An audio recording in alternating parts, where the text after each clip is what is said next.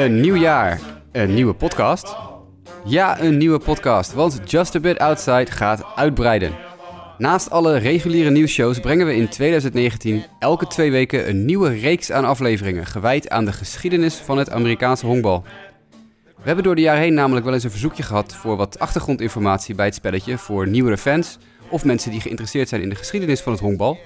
Dus we gaan dit jaar op zoek naar de belangrijkste momenten in de honkbalgeschiedenis. En ik ga gelukkig niet in mijn eentje een hele aflevering volpraten. Maar ik heb een collega Sport Amerika-redacteur gevonden die minstens net zoveel van, ja, tussen aanleidingstekens, oud honkbal houdt als ik. Sander Grasman, welkom in de show en leuk dat je samen met mij eh, dit jaar de archieven in wil duiken. Yo Jasper, heel leuk om met jou uh, deze nieuwe podcast op te gaan nemen. Ja, jij bent uh, afgelopen zomer geloof ik bij ons aan de slag gegaan. En je hebt al vrij snel laten zien dat je met vrij groot gemak het verleden naar het heden kan halen. Uh, met, met de artikelen die je geschreven hebt voor Sport Amerika, voor de MLB-afdeling. Um, vertel eventjes voor de, ook de luisteraars, waar komt jouw fascinatie met de geschiedenis van het honkbal vandaan? Ja, naast een groot liefhebber van honkbal ben ik ook een vervent lezer. En via het lezen van boeken heb ik de geschiedenis van het honkbal ontdekt. Zo heb ik met, via boeken als Teammates over de, het Boston van 1948 en uh, boeken over Jackie Robinson en Mickey Mantle uh, die tijd leren kennen. En ben ik zeer geïnteresseerd geraakt in eigenlijk de hele historie van het honkbal.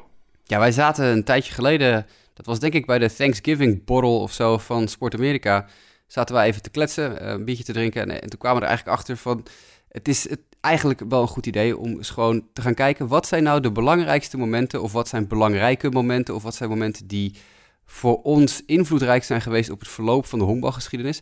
En waarom gaan we daar niet nou gewoon eens een beetje over, over kletsen en gaan we eens kijken van oké, wat is nou eigenlijk, ja, wat, wat heeft nou eigenlijk het honkbal gemaakt tot wat het honkbal vandaag is?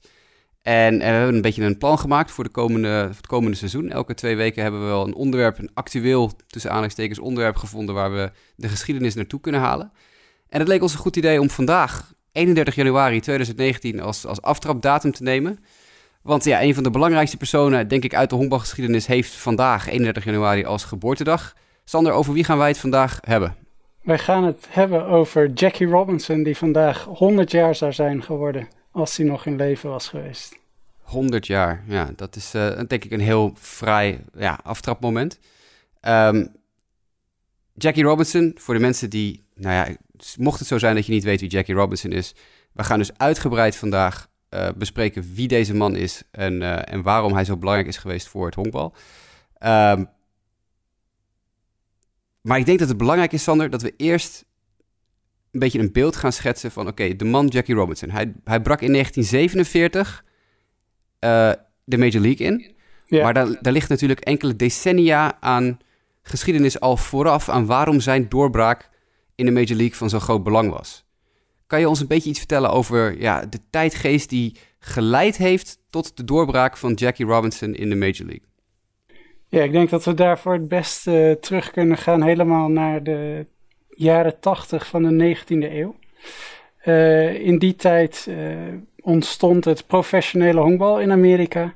En was er eigenlijk nog geen sprake van rassenscheiding. Spelers speelden gewoon uh, door elkaar heen. alleen daar is op een gegeven moment zijn er teams, spelers tegen in opstand gekomen. Die dreigden met stakingen. En zo ontstond er een gentleman's agreement een zogenaamd herenakkoord onder de teams, dat er vanaf dat moment gescheiden gespeeld zou worden. De zwarte spelers zouden een eigen competitie mogen hebben, maar zouden niet mogen uitkomen in de hoogste professionele honkbalcompetitie.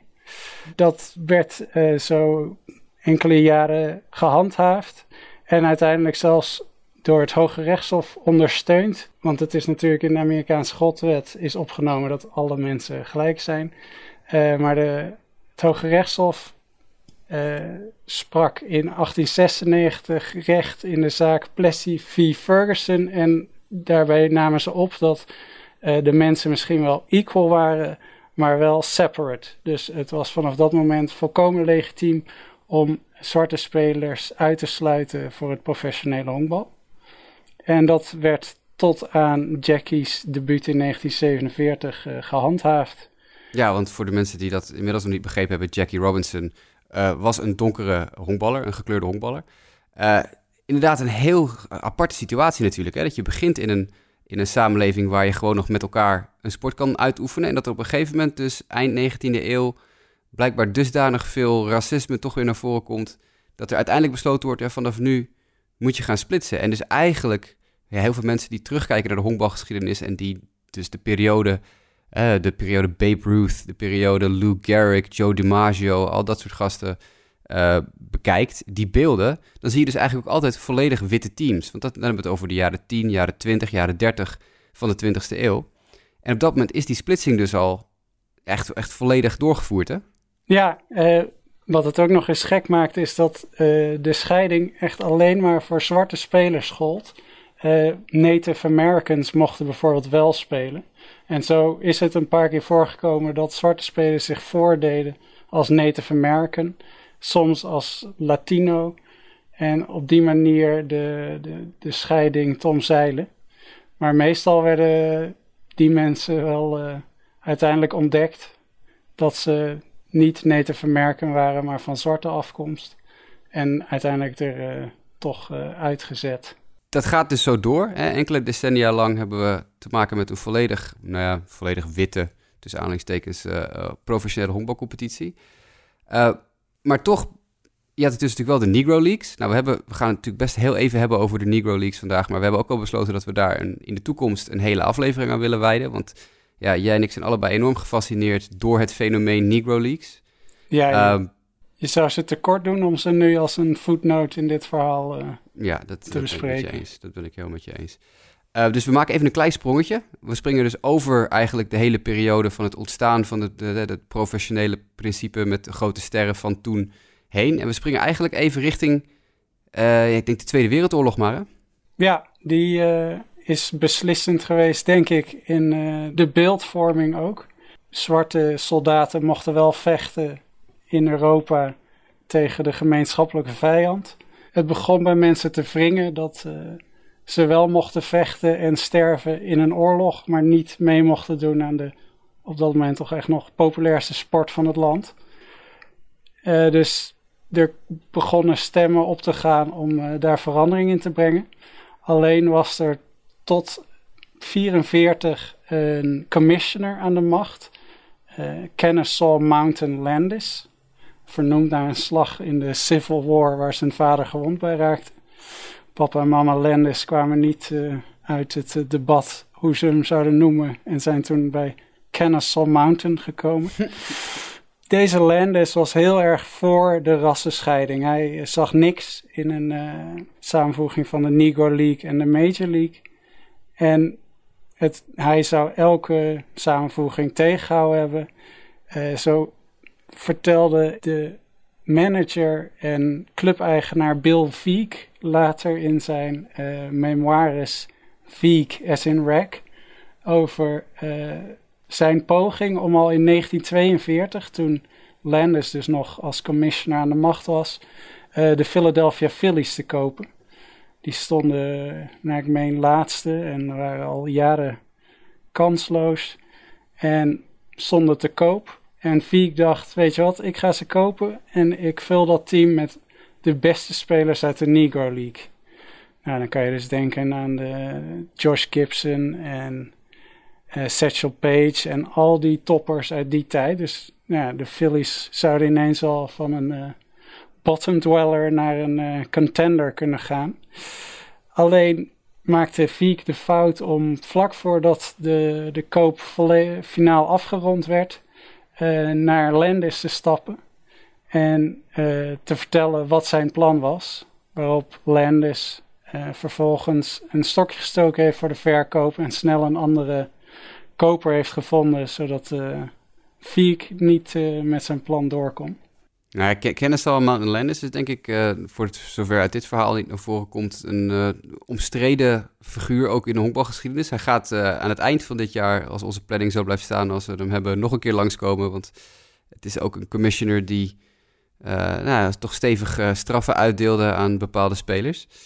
Ehm, het aparte, denk ik, aan deze situatie is dat je op dat moment dus ziet dat, en dat heb jij ook beschreven in, in het artikel dat je uh, in de loop van deze week ook nog mogelijk online gaat krijgen op Sport Amerika, is dat er al wel binnen het land natuurlijk wat onrust begint te bruisen. Mensen willen graag dat, dat hè, die spelers die dus inderdaad, zoals je zegt, hun leven geven voor het land, ook uit mochten komen in de majors. Grote steden zijn natuurlijk vaak al wat progressievere bolwerken in een, zeker een land als Amerika dan, dan het platteland. Dus je krijgt steeds meer die drang van mensen van nou, waarom gaan we dit nou eigenlijk niet, die rassenscheiding eigenlijk niet, niet opbreken? Uh, op zich zou, zou Bill Veck ook nog wel een interessante figuur zijn om het een keer uitgebreid over te hebben, want die heeft ook heel veel gekke dingen gedaan, maar die slaan we even over nu. Uh, we gaan even kijken naar uh, de politiek. Wat is de rol geweest van de politiek binnen het langzaam maar zeker vervagen van die, die rassenscheidingslijn? Nou, de politiek is er verantwoordelijk voor geweest dat de eerste try-outs voor zwarte spelers voor een Major League team werden georganiseerd. dat gebeurde in Boston. Boston Red Sox, misschien weten sommige van onze luisteraars wel, was het team dat als laatste afstapte van de rassenscheiding. Dus dat is toch opvallend te noemen. Maar er was een politicus, plaatselijke politicus, die het niet meer aan kon zien dat er uh, sprake was van een rassenscheiding. En Boston, de clubs uit Boston, onder druk ging zetten om ze te dwingen zwarte spelers op te nemen. Er god op dat moment blue laws, waardoor eigenlijk op zondag geen commerciële activiteit ondernomen mochten worden. Hij zette die blue laws in, want de teams, de honkbalteams waren uh, vrijgesteld van die blue laws. Hij zette die blue laws in om de teams onder druk te zetten. Als jullie niet zwarte spelers een kans gaan geven, dan uh, zullen jullie op zondag niet mogen spelen. Niet in Boston in ieder geval. En dat zou natuurlijk een enorme inkomstenderving zijn. Dus uh, ze gingen een try-out organiseren. De Boston Red Sox deden dat in Fenway. Ze nodigden onder andere Jackie Robinson uit. Maar al snel bleek dat het uh, een farce was. Dat was totaal niet de intentie van de club om een speler, een zwarte speler, echt een kans te geven. er werden zelfs racistische bejegeningen uit het bestuur vak, uit de plek waar de bestuurders toe zaten kijken, geschreeuwd naar de spelers die op dat moment aan uh, betting practice bezig waren. Dus het, het, was iedereen overduidelijk dat dit uh, een schijnvertoning was. Maar toch was het wel de eerste try-out voor zwarte spelers en heeft het misschien toch een klein beetje een deur op een kier gezet voor andere teams. Dat er een uh, knopje omging van hé, we kunnen wel eens uh, ook zelf gaan kijken naar try-outs en uh, spelers overhevelen uit de Negro Leagues naar ons eigen team. Ja, en dan komt er een volgende persoon, denk ik, op de bühne die we, waar we toch wel veel aan verschuldigd zijn als je kijkt naar hoe de, hoe de Major League zich ontvouwd heeft. Dat, dat is Branch Rickey, hè, de eigenaar van de Brooklyn Dodgers. Branch Rickey, ook een heel kleurrijk figuur in de honkbalgeschiedenis, die altijd net even iets anders wilde doen. Uh, Branch Rickey is ook gedeeltelijk de oprichter van het minor league systeem zoals we dat nu kennen. Hij was een van de eerste eigenaars van clubs die zeiden van... hey, wij gaan een soort farm systeem bouwen. En Branch Rickey is denk ik de volgende persoon die eigenlijk de, de deur van het hele kleine kiertje... wat die tryout bij Boston was, veel verder openzet. En, en daar is dan ook weer Jackie Robinson direct bij betrokken. Ja, Branch Rickey kreeg het idee om... Uh een zwarte speler in zijn team op te gaan nemen. Ik, het leefde al bij meerdere mensen, dus het, het, was eigenlijk op dat moment voor iedereen duidelijk dat het een kwestie van tijd was. Dus hij had ook wel, wilde ook wel de eerste zijn. Hij was ook wel uh, ijdel volgens mij wat dat betreft. Dus hij vertelde iedereen dat hij een Negro League team wilde gaan oprichten. De Brown Dodgers. Die ook zouden gaan spelen in Brooklyn. En zo stuurde die scouts het land in langs Negro League wedstrijden, zogenaamd voor zijn eigen Negro League team. Maar intussen was hij naastig op zoek naar een uh, ideale kandidaat om als eerste speler die uh, color barrier te doorbreken. En daarbij was hij niet zozeer op zoek naar de beste speler. Uh, dat was waarschijnlijk Josh Gibson geweest. Maar hij wilde ook iemand die sterk genoeg was, een persoonlijkheid had die de druk van buitenaf kon weerstaan. Want het zou natuurlijk niet gemakkelijk worden om als eerste zwarte speler de totale uitzondering op de regel te zijn. Witte supporters waarvan je maar moet afwachten in hoeverre ze het gaan accepteren. Dus hij wist dat uh, die het aardig voor de kiezer zou krijgen. Dus hij wilde iemand hebben die uh, daartegen kon. En beroemd is de, de scène tussen hem en Jackie. Als hij Jackie heeft uitgenodigd uh, in zijn kantoor om te komen praten over zijn komst naar de Dodgers. Op dat moment wordt Jackie pas duidelijk dat het niet om de Brown Dodgers gaat, maar om de Brooklyn Dodgers. En dan vraagt Jackie of hij iemand zoekt die te bang is om terug te vechten. Want Branch Rickey wil niet dat het escaleert. Hij wil juist dat het, dat het iemand is die die druk kan weerstaan. Dus dan zegt Branch Rickey: No, I want a player who's got the guts not to fight back. En daarmee overtuigt hij Jackie Robinson uh, om naar de Dodgers te komen en uh, zich als een voorbeeld voor uh, alle volgende spelers op te werpen. Ja, en op dat moment uh, Jackie Robinson natuurlijk, uh, dat is allemaal nog een beetje hush-hush, wat je zegt. Uh, Branch Rickey deed allemaal een beetje in het geheim.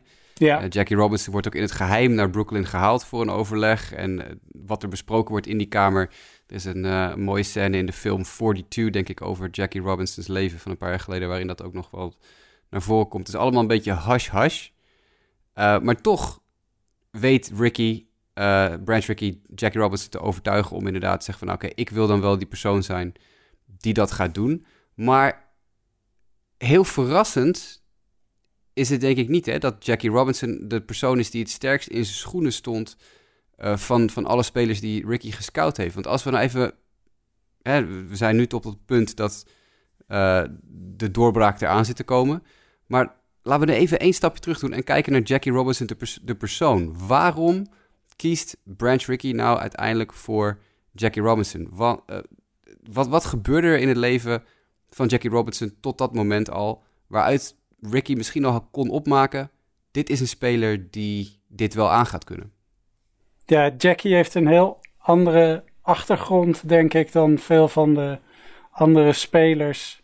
Zeker dan toppers als Page en Gibson, in dat hij eerst als jonge atleet eigenlijk uh, op een universiteit terecht kwam.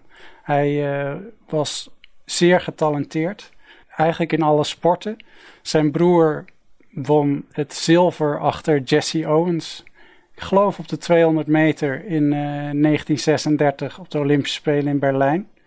En het was ook die broer die hem inspireerde om uh, zich te richten op sporten. Jackie Robinson was al een bekend gezicht door zijn carrière bij UCLA als American voetbalspeler. Hij was een uh, zeer getalenteerde running back. En hij was al te zien op nationale televisie als uh, zeer getalenteerd. Hij gaf dat echter op toen hij zijn broer bleek na zijn succes in Berlijn en de Olympische Spelen. Toen hij terugkwam, toch in eigen land weer gezien te worden als een tweede rangs burger. Hij kwam niet aan baantjes, moest de, de slechts betaalde baantjes die hij maar kon krijgen, moest hij accepteren. Dus Jackie Robinson verloor het vertrouwen in dat sport, wat zijn broer hem altijd had aangeraden, richt je op sport, dat dat een mooie toekomst voor hem zou kunnen creëren. En toen koos Jackie ervoor om het leger in te gaan. Hij wilde zich aanmelden voor de officiersopleiding, maar daar werden zwarte uh, sollicitanten eigenlijk bijna niet toegelaten. Joe Louis heeft toen zelfs nog moeten ingrijpen. De, de bekende bokser Joe Louis, ik weet niet of die bij iedereen bekend is, die heeft toen nog ingegrepen en gezegd, want die uh, die zat ook in het leger en was een soort publiciteits, uh, was propaganda in de, de, het werven van soldaten. En die gaf aan van jongens, geef ook zwarte soldaten de kans om zich via een officiersopleiding uh, een carrière te, op te bouwen in het leger. En daar werd naar geluisterd, naar Joe Lewis. En zo heeft Jackie Robinson dus een officiersopleiding te danken aan Joe Lewis. En dat was dus de manier waarop hij op dat moment hoopte carrière te maken. Ja, is helaas niet gelukt volgens mij. Nee, nee, want ook daar liep hij weer tegen ja, institutioneel racisme aan. Dat is iets wat Jackie Robinson's hele leven denk ik wel kenmerkt, is dat hij altijd is blijven vechten voor gelijkwaardigheid. En Jackie Robinson is toen zelfs een, nog voor de militaire rechtbank moeten komen, omdat hij weigerde achter in de bus te gaan zitten. Dit is tien jaar voordat Rosa Parks dat deed in, uh, in Alabama, was het geloof ik. Dus het was een heel dappere actie van hem eigenlijk om daar te weigeren achterin te gaan zitten. Want dat was ook helemaal geen regel in het leger. In het leger was iedereen in principe gelijk. Maar hij moest dus achterin gaan zitten. Nou, dat was dus eigenlijk niet waar. Maar toen hebben ze bedacht dat dat het negeren van een bevel was. En zo moest hij zich nog verantwoorden voor een uh, legerrechtbank. Ja, hij is wel, uh, wel vrijgesproken, geloof ik, inmiddels. Een aantal aanklachten heeft hij nog voor zijn kiezen gehad. Ja, waaronder openbaar dronkenschap terwijl hij niet dronk. Dus dat is een zeer merkwaardig Ja, ik vraag me af waar dat vandaan is gekomen, inderdaad. Dat uh, kunnen we ook wel, denk ik, onder de paraplu racisme uh, schuiven. Ja, strohalmen waaraan gegrepen werd. Dus, ja, precies. Ja. Nee, nou. dus, hij heeft alles, is op alle punten vrijgesproken. Maar het was wel het einde van zijn militaire carrière. Ja, en hij is, hij is toen overgestapt weer terug het, de sport in. Hè? Hij is naar de Kansas City Monarchs gegaan in de Negro League. Dan hebben we het over, ik geloof, 1946, daar in de buurt. 45 is dat. Ja. Ja, hij was, hij was aangeraden door een, uh, door een collega-soldaat om uh, ja, vanuit het leger contact op te nemen met de Kansas City Monarchs. Die collega-soldaat speelde ook bij de Monarchs. Zo komt hij dus weer in het honkbalwereldje terecht. Ja, en dan zitten we dus al in 546 en dan gaat het balletje rollen rondom 47, wat we net al bespraken. Branch Ricky's plannen om, om dan toch de man te zijn, de eigenaar te zijn die de, de kleurenbarrière gaat doorbreken. Uh, daar zal hij ongetwijfeld, wat je net ook al zei, wat persoonlijke motieven voor gehad hebben, omdat hij een beetje ja, uh, ego had. Uh, hij zal ongetwijfeld ook goede bedoelingen ermee hebben gehad. Maar ja, financieel Zeker. gezien zijn de Brooklyn Dodgers er denk ik ook niet uh, heel erg op achteruit gegaan. Hè? Nee, nee, ze hebben het eerste seizoen dat Jackie Robinson in Brooklyn speelde, hebben ze een record aantal supporters getrokken. Ze kregen natuurlijk ineens een hele nieuwe uh, supporterscharen met uh, zwarte supporters erbij. Die hun Negro Leagues links lieten liggen. Althans, om Jackie Robinson te kijken. Verder zullen ze waarschijnlijk trouw gebleven zijn aan de Negro Leagues. Maar om Jackie te zien in Brooklyn maakten ze een uitzondering. En ook bij uitwedstrijden hadden ze een record aantal supporters. Dus het was financieel zeker geen, geen domme zet ook van Ricky op dan, dan, dan is het zover. Hè? Uh, Jackie Robinson tekent een contract. De hele wereld staat op zijn kop in Amerika. Er komt een donkere speler naar de Major League. Um, dan krijgt hij het behoorlijk zwaar te verduren nog in de eerste nou ja, paar maanden, misschien wel een paar jaar. We kennen allemaal het verhaal van Ines Slaughter. Volgens mij speelde die bij de Cardinals of zoiets ja. dergelijks. Ja, de Cardinals hadden sowieso niet zo'n positieve blik op de einde van de rassenscheiding. Daar was zelfs sprake van een uh, staking van de spelers van uh, de Cardinals. Het is een beetje, de, nou, bij heel veel van deze dingen is het moeilijk om mythe en werkelijkheid uit elkaar te houden. Maar er zou een staking op handen zijn van Cardinals-spelers. Dat zou dan opgevangen zijn door iemand binnen de organisatie. En die zou het gelekt hebben naar een bevriende journalist. En die zou het dan weer om zijn bron te beschermen doorgesluist hebben naar een andere journalist die vervolgens met het verhaal naar buiten kwam dat uh, de Cardinals dit van plan waren. Waarop meteen is ingegrepen door zowel de National League in de vorm van de voorzitter, president Ford Frick, als uh, de nieuwe commissioner, Happy Chandler. Weer een aparte roepnaam. Maar die uh, hebben meteen korte metten gemaakt met eventuele plannen en gezegd: Het maakt ons niet uit wat jullie van plan zijn. Maar als jullie gaan staken, dan leggen wij de boel plat. En krijgen jullie allemaal boetes. En desnoods leggen we de competitie plat zolang als jullie niet willen spelen. Maar wij gaan dit niet tolereren. Nee, we moeten natuurlijk ook niet, niet doen alsof het, de, doorbraak van Jackie Robinson in de Major League meteen al het racisme beëindigt in Amerika. Want het is tot, tot zeker 10, 15, 20, misschien wel 25 jaar daarna zijn er verhalen op te roepen. Uh, ik geloof dat uh, Willie Mays uh, of Willie McCovey volgens mij nog verhalen zijn dat toen die in de minor league speelde, en hebben we het over nou, jaren 50. Op het moment dat, zijn minor league team naar een uitwedstrijd ging, ergens in het zuiden van Amerika, dat ja, hij niet mee mocht. Want in dat stadje mochten donkere mensen niet sporten. Dus, dus het is niet zo dat natuurlijk de komst van Jackie Robinson in één keer uh, alles Hosanna maakt en al het racisme ineens weg is. Sterker nog, het komt misschien juist wel in die periode nog meer tevoorschijn. Uh, Ian Slaughter die een, trap uitdeelt en een uh, enorme snee veroorzaakt in het been van Jackie. Maar ook teamgenoten die geweigerd zouden hebben om met een donkere speler samen te spelen. En die alleen maar eigenlijk op het veld stonden nog omdat manager Leo DeRocher, ook wel een iconisch figuur in de honkbalgeschiedenis, helemaal uit zijn plaat is gegaan en heeft gezegd van... Uh, I don't care if the guy is yellow or black or if he has stripes like a fucking zebra. I am the manager of this team and I say he plays. Uh, door daar ja, stevig korte metten mee te maken.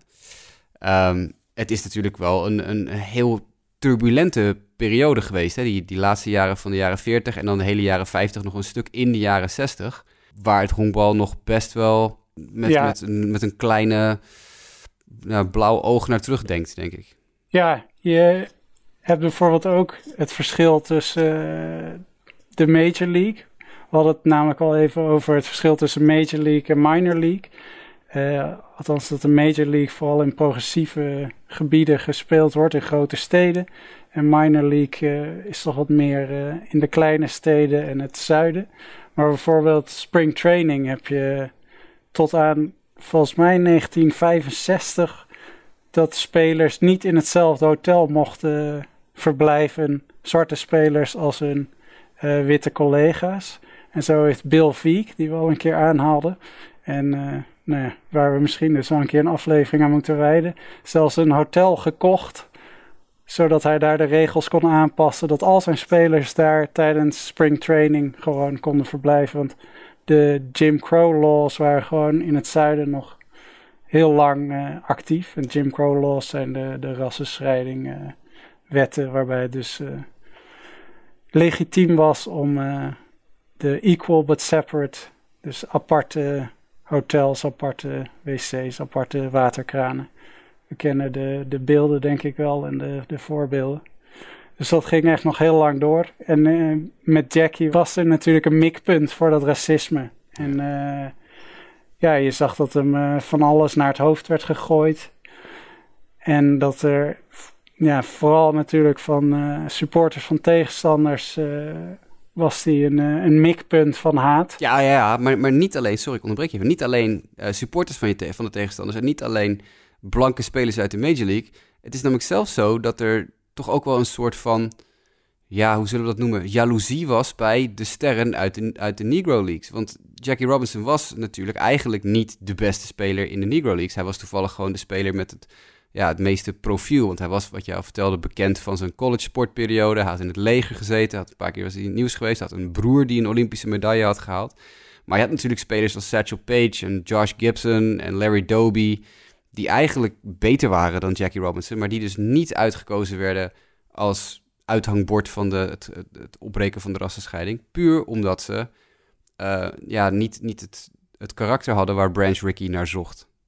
Ja, en wat natuurlijk ook nog meespeelde en, en wat, hem nog wat te verwijten viel, of dat wat uh, collega's in de Negro League, hij was, speelde pas één seizoen in de Negro League. Hij begon in 45 te spelen in de Negro League. En in de 46 werd hij al overgeheveld naar het minor league team van uh, de Dodgers in Montreal. Dus hij heeft maar één jaar gespeeld. En in dat jaar uh, toonde hij zich ook nog ja, voor sommige mensen als een beetje een prima donna. Hij was georganiseerde uh, voorzieningen gewend.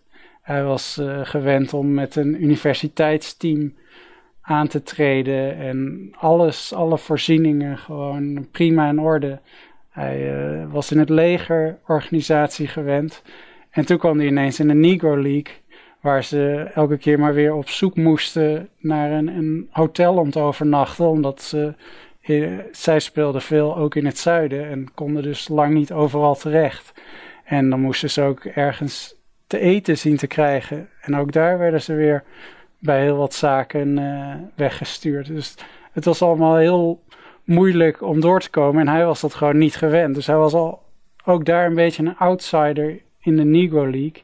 En dan die jongen, die, uh, die rookie in de Negro League gaat ineens naar de majors. Terwijl Satchel Page speelde al twintig jaar in de Negro League. En was gewoon, werd gezien als de beste pitcher. Zo niet zwarte pitcher, misschien wel zelfs van alle pitchers de beste. En iemand als George Gibson geldt hetzelfde. Want sommige mensen noemden hem dan uh, de zwarte Babe Ruth. Maar Babe Ruth werd door anderen ook weer de, de witte George Gibson genoemd. Die is zo goed als die. Fantastische speler, George Gibson. Echt uh, een van mijn grote ja, favorieten uit het Negro League uh, tijdperk. Maar goed, daar gaan we het nog een keer later dit jaar over hebben. Zeker. Want dat is, ja, die, die verdient ook een eigen show. Het gaat op een gegeven moment wel iets sneller. Er komt wat steun voor Jackie Robinson. Ook natuurlijk bijvoorbeeld uh, Joodse spelers. Hè, beroemde Hall of Famer Hank Greenberg. Hè, die is meermaals slachtoffer geweest van antisemitisme in die periode. Die komt openlijk naar buiten dat hij zegt... Ah, ja, Jackie Robinson, dit gaat wel goed komen. Je kan het wel. Uh, bied, bied je, ja, je agressoren het hoofd. Je kan het. Uh, Larry Doby volgt al vrij snel. Hè, ik geloof een week of uh, 11, 12 nadat Jackie Robinson de eerste speler in de National League wordt. Of de eerste speler überhaupt in de Major League. De eerste zwarte speler in de Major League. Uh, haalt Bill Veck Larry Doby naar Cleveland. En wordt Larry Doby de eerste zwarte speler in de American League. De ban is eigenlijk op dat moment een beetje gebroken. Er, komen, er druppelen steeds meer donkere spelers naar de Major League. En gelukkig eigenlijk, denk ik, in die situatie... Um, bleek Jackie Robinson en ook later Larry Doby zeker mee te kunnen met de, ja, de witte spelers in de Major League. Waar in het begin natuurlijk vaak gesuggereerd werd van, nou ja, ze zitten in een andere league omdat ze gewoon niet zo goed zijn als wij. Blijkt al vrij snel dat Jackie Robinson toch, ja, toch relatief vlug zich aan weet te passen aan het niveau in de Major League. En eigenlijk zelfs heel veel spelers er eigenlijk uit hongbalt. Ja, hij wordt meteen dat eerste jaar uh, uitgeroepen tot Rookie of the Year. Uh, hij heeft een slaggemiddelde van bijna 300 uh, eh, en slaat 12 home runs, waarmee hij met Pee Wee Reese de meeste home runs slaat van de Dodgers. Maar vooral zijn honklopen is van ja, buitenaardse kwaliteit. Hij is in staat honken te stelen alsof het niks is. Hij maakt alle pitchers nerveus, want hij vraagt zich af wat, wat doet hij in mijn rug als hij op 1 of op 2 staat. En hij steelt ook uh, meermaals de thuisplaat. Dus hij, uh, ja, hij, presteert meteen al snel. Want niet meteen. In het begin heeft hij het moeilijk, maar al snel presteert hij gewoon fantastisch. En wordt hij zelfs in 1949 MVP na een geweldig seizoen. Ja, eerste zwarte speler die verkozen wordt tot All-Star, ook in 1949. Wordt gelijk ook uitgeroepen inderdaad tot MVP van de National League. Hij houdt het uiteindelijk tien jaar vol in de Major League. Uh, wint een MVP, een Rookie of the Year. En zes uit de tien seizoenen haalt hij de All-Star Game. Hij wint de World Series in 1955 met de Dodgers. Ja, als je toch kijkt naar hoe relatief makkelijk hij het niveau aankon en mee kon. Ik denk dat dat ook heel veel uh, ogen heeft geopend binnen de, binnen de honkbalwereld en ook bij fans. En, en misschien ook wel bij andere sporten. Hè? Want misschien, eh, ja, het was een van de eerste grote sporten waar het allemaal vrij goed ging, ging lopen. Maar ook uh, bijvoorbeeld in het basketbal en American voetbal, die volgden uh, het voorbeeld van, van de honkbalwereld. Hè? Ja, ja, zo gaf Boston Celtics legende Bill Russell na zijn carrière ook aan dat hij heel veel te danken had aan, zoals hij hem noemde, de trailblazer Jackie Robinson. Want zijn komst naar de Major League uh, zorgde ervoor dat uh, ook sporten als basketbal en voetbal toegankelijk werden voor zwarte spelers. Dus hij heeft niet alleen voor het honkbal, maar voor alle sporten en waarschijnlijk ook gewoon voor de Amerikaanse samenleving heel veel betekend voor de uh, gelijkheid van zwarte mensen in de Amerikaanse samenleving. Ja, en zijn rugnummer is natuurlijk algemeen bekend, wordt niet meer gedragen. Rugnummer 42, de film waar ik eerder aan refereerde, heet ook 42. Heel erg aan te raden voor mensen die die nog niet gezien hebben. De laatste speler die zijn rugnummer nog, uh, nog droeg in wedstrijdverband is een aantal weken geleden unaniem verkozen tot ja, Hall of Fame werper. Mariano Rivera was de laatste speler die nog nummer 42 mocht dragen. Ja. Eén keer per jaar, dat weet iedereen inmiddels ongetwijfeld die een beetje hoe bekijkt, hebben we nog Jackie Robinson Day. Dan mag iedereen ineens nummer 42 dragen. Of we daar nou de symboliek van moeten steunen of juist een beetje met een schuin oog naar moeten kijken, dat laat ik even in het midden. Jackie Robinson, na tien jaar in de Major League, verdwijnt uit de sport vanwege uh, diabetes. na, na zijn carrière blijkt, er, blijkt hij diabetes te hebben. Uh, ja, zo'n ziekte die in die tijd niet genezen kon worden, wel iets vertraagd kon worden. Maar ja, dat is natuurlijk niet uh, op dat moment voor hem. Hij, hij kan op dat moment niet door met de sport die hij zouden willen spelen. Uh, wordt verkozen in de Hall of Fame 1962. Als eerste zwarte speler ook weer. Hè? Ja. Ja, dat is toch een, een, man die alle, al die barrières doorbroken heeft. Er zijn er nog vele, uiteraard, uh, zijn hem opgevolgd. Uh, hij bleef ook na zijn carrière, bleef Jackie Robinson toch een heel erg vocaal iemand die altijd, wat je eerder al zei, bezig bleef met die, het, het verbreken van die muren die tussen de rassen stonden. En hij, ja, zijn grootste frustratie, uh, vertelde jij mij eerder, was toch wel dat hij in zijn tijdperk ja, toch geen zwarte managers actief heeft gezien in de Major League. Nee, het, hoewel hij dan in 47 de eerste zwarte speler werd, moest er nog uh, 27 jaar gewacht worden totdat er een eerste zwarte manager aan het roer zou komen te staan. Al moet daar wel bij de kanttekening gemaakt worden dat in 72, en toen leefde Robinson nog, de toenmalig Cubs manager, zijn naam ben ik even, ontgaat me even, uh, die werd eruit gestuurd. En toen heeft Ernie Banks, de legendarische Cubsman, het over mogen nemen. En die was dus zo feitelijk de eerste zwarte manager, omdat hij halverwege een wedstrijd mocht invallen. Maar voordat er dus echt een, uh, een zwarte manager aan het roer kwam te staan, was 1974.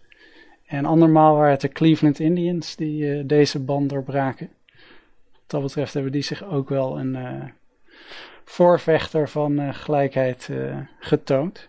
Ja, terwijl nu al jaren die discussie woedt over het al dan niet lozen van het toch vrij racistische karikatuurlogo dat ze nog steeds voeren. Dus ook daar is wel wat veranderd door de jaren heen bij die club, denk ik. Ja, ja ik las nog een grappige verdediging. Destijds hebben we die naam. Dat zag ik toevallig gekozen nadat de club één jaar de Cleveland Naps heeft geheten. Naar aanleiding van Nap LaJoy, de, de toenmalig sterspeler. Uh, toen die vertrok moest ze een nieuwe naam en toen is dat Cleveland Indians geworden. En dat zeiden ze later dat dat een ter verering was van een van hun spelers die Native American was. Maar het feit dat die jongen nauwelijks aan spelen toekwam en eigenlijk al volgens mij binnen een jaar zijn carrière zag eindigen, geeft eigenlijk heel weinig reden waarom die jongen vereerd zou moeten worden met als naamgever van de, de club. Dus het zal veel eerder toch een racistische stereotype zijn dan dat het een verering is van die ene speler die een wedstrijd, een handvol wedstrijden heeft gespeeld uh, in de Major League. Ja, nou, dat dan weer wel. Jackie Robinson overlijdt uiteindelijk 24 oktober 1972 in Connecticut in de Verenigde Staten. Um, en ja, ik denk dat we ieder jaar nog steeds herinnerd worden aan Jackie Robinson's carrière, maar vooral ook aan de strijd die Jackie Robinson gevoerd heeft binnen de sport, binnen de Amerikaanse samenleving. Um, de overwinningen die hij heeft binnengehaald. Uh, mevrouw Robinson is uh, elk jaar ook nog uh, zichtbaar op de velden rondom Jackie Robinson Day. Je hebt de Jackie Robinson Award voor spelers die zich inzetten voor gelijkheid en andere zaken. Uh, dus ik denk dat deze man, ja, dat er een reden voor was, Sander, dat jij ook voorstelde om de eerste show te wijden aan, aan Jackie Robinson. Ja, ik ben een groot bewonderaar van Jackie Robinson en ik denk dat het heel knap is hoe hij zich staande heeft gehouden in de Major League. Terwijl hij zoveel had om uh, tegenop te nemen. En dat hij vooral zijn waardigheid heeft gehouden. Terwijl hij zo vaak racistisch bejegend werd. Terwijl er zoveel kritiek op hem was. Dat hij toch altijd uh, ja, een waardig persoon is gebleven. En op die manier het uh, verdiend heeft om nog jarenlang bij stil te staan bij zijn, bij zijn leven en zijn carrière. Ja, nee, ik, ik ben dat helemaal met je eens. Een, een, speler waar, ja, eigenlijk, die, die nooit vergeten zal worden, maar ook nooit vergeten mag worden, denk ik. Ik denk dat dat de belangrijkste conclusie kan zijn. Wij kunnen natuurlijk in die, nou ja, pak een beetje drie kwartier die wij besteed hebben aan het leven van Jackie Robinson, daar zijn we in een, in een redelijke vogelvlucht doorheen gegaan. Want er zijn natuurlijk veel meer nuances nog binnen binnen het leven en binnen de carrière en binnen de situatie van, uh, ja, waarin hij naar voren kwam te vinden. Maar voor de mensen die meer willen weten over Jackie Robinson, uiteraard is, uh, is Google je vriend. Maar nogmaals, ik uh, raad ook zeker de film 42 aan over Jackie Robinson, die toch een redelijk ja, goed beeld geeft, denk ik, van, de, ja, van het ontstaan, van, van het, het afbreken van de, de rassenscheiding binnen het honkbal. Ja, ik vond bij, de, bij het onderzoek doen hiernaar ook nog enkele. Je hebt ook nog de Jackie Robinson story. Daarin speelt Jackie Robinson zichzelf. Is een film uit 1950. En uh, het is een uh, wat geromantiseerd beeld, denk ik. Ondanks dat hij er zelf dus in meespeelt. Ik denk dat het allemaal iets mooier is gemaakt. Maar daar krijg je ook al een beetje een beeld van hoe hij het zelf beleefd heeft, denk ik. Zoals ik een aanrader. Ik raad het van harte aan. Er zijn ook boeken over Jackie Robinson geschreven. Er zijn boeken over de Negro Leagues geschreven. Uh, het is een, een fascinerende periode, denk ik. Uh, ik denk dat we het daar wel over eens kunnen zijn, toch? Absoluut. Mooi man. Dit was dan de, ja, onze eerste eigenlijk geschiedenis, duik in de honkbalgeschiedenis. Uh, de 100-jarige geboortedag, de, de 100ste geboortedag van Jackie Robinson. Uh, we gaan dit jaar nog veel meer geschiedenis doen. We gaan het nog hebben, Sander, over het ontstaan van het honkbal. Eventueel tot aan de dead ball era wilden we het zelfs helemaal nog, nog verder teruggaan. Uh, we gaan het nog hebben over Cy Young. We gaan het nog hebben over Ricky Henderson's gestolen honkenrecord uit de jaren 80. Uh, eh, we gaan het nog hebben over Joe DiMaggio, Lou Gehrig. Uh, ik, ik, heb, ik heb gezien dat jij nog in een, een blokje hebt gezet dat we het toch over beroemde honkbalsterfgevallen gaan hebben. Dat is ook een, ja, een interessant Zeker. Onderwerpje, denk ik. afgelopen winters is dat een zeer relevant onderwerp geworden, helaas. Ja, precies. Nou, ik heb gezien dat we nog uh, de, de home run race, die we ons allemaal nog wel kunnen herinneren uit de jaren 90 tussen Mark McGuire en Sammy Sosa, willen we nog even een keer gaan, uh, gaan revisiten. Uiteraard is het dit jaar ook 100 jaar geleden dat het Black Sox-schandaal plaatsvond. En daar komt Kennesaw Mountain Landis dan ook weer terug in die aflevering. Dus we gaan het nog over de Black Sox hebben beroemde walk-off home runs in de geschiedenis heb ik nog op het lijstje staan. Kortom, we hebben eindeloos veel onderwerpen om, ja, om het over te gaan hebben. Mochten er nou mensen zijn die dit zitten te luisteren en denken: hey, ik heb een idee waar jullie het echt nog over moeten hebben, over de geschiedenis van het honkbal, mail het gewoon even. Dat kan gewoon naar het standaard e-mailadres justabitpodcast.gmail.com. Uh, dat is het e-mailadres waar alle post, ook voor de andere show, naartoe kan. Stuur daar gerust even een suggestie heen als je het, uh, het, het, leuk vindt om, ja, als je een onderwerp hebt waarvan je denkt dat moet nou echt even een keer besproken worden, dan kan je daar zeker eh, naartoe mailen. Je kan het ook op Twitter achterlaten. Sander, jij zit ook op Twitter. @grasmansd zie ik staan. Absoluut. Dus ja, mensen kunnen jou ook uh, toetweeten. Alle suggesties zijn welkom. En, maar ja, voor mij is het natuurlijk altijd Ed Jasperoos, dat weet iedereen, dat inmiddels die vaak luistert. Ed Jasperoos, Ed Grasmansd, Ed Sportamerika op Twitter, facebook.com slash sportamerika. Er zijn allerlei mogelijkheden om met ons in contact te komen. Sander, ontzettend bedankt voor het, uh, ja, het, het opzetten van deze nieuwe lijn binnen onze podcast. Ja, superleuk om te doen. Ik, uh, ik zie er naar uit om over twee weken met je verder te praten over uh, ja, de honkbalgeschiedenis. Absoluut. Ik zie je dan, luisteraars, tot over twee weken. En in de tussentijd hou onze feed in de gaten voor de reguliere Just a Bit Outside podcast. Want die komen ook zeker weer terug met Justin en Mike en Nick. En misschien zelfs wel Lionel. Eh, dus graag tot de volgende aflevering.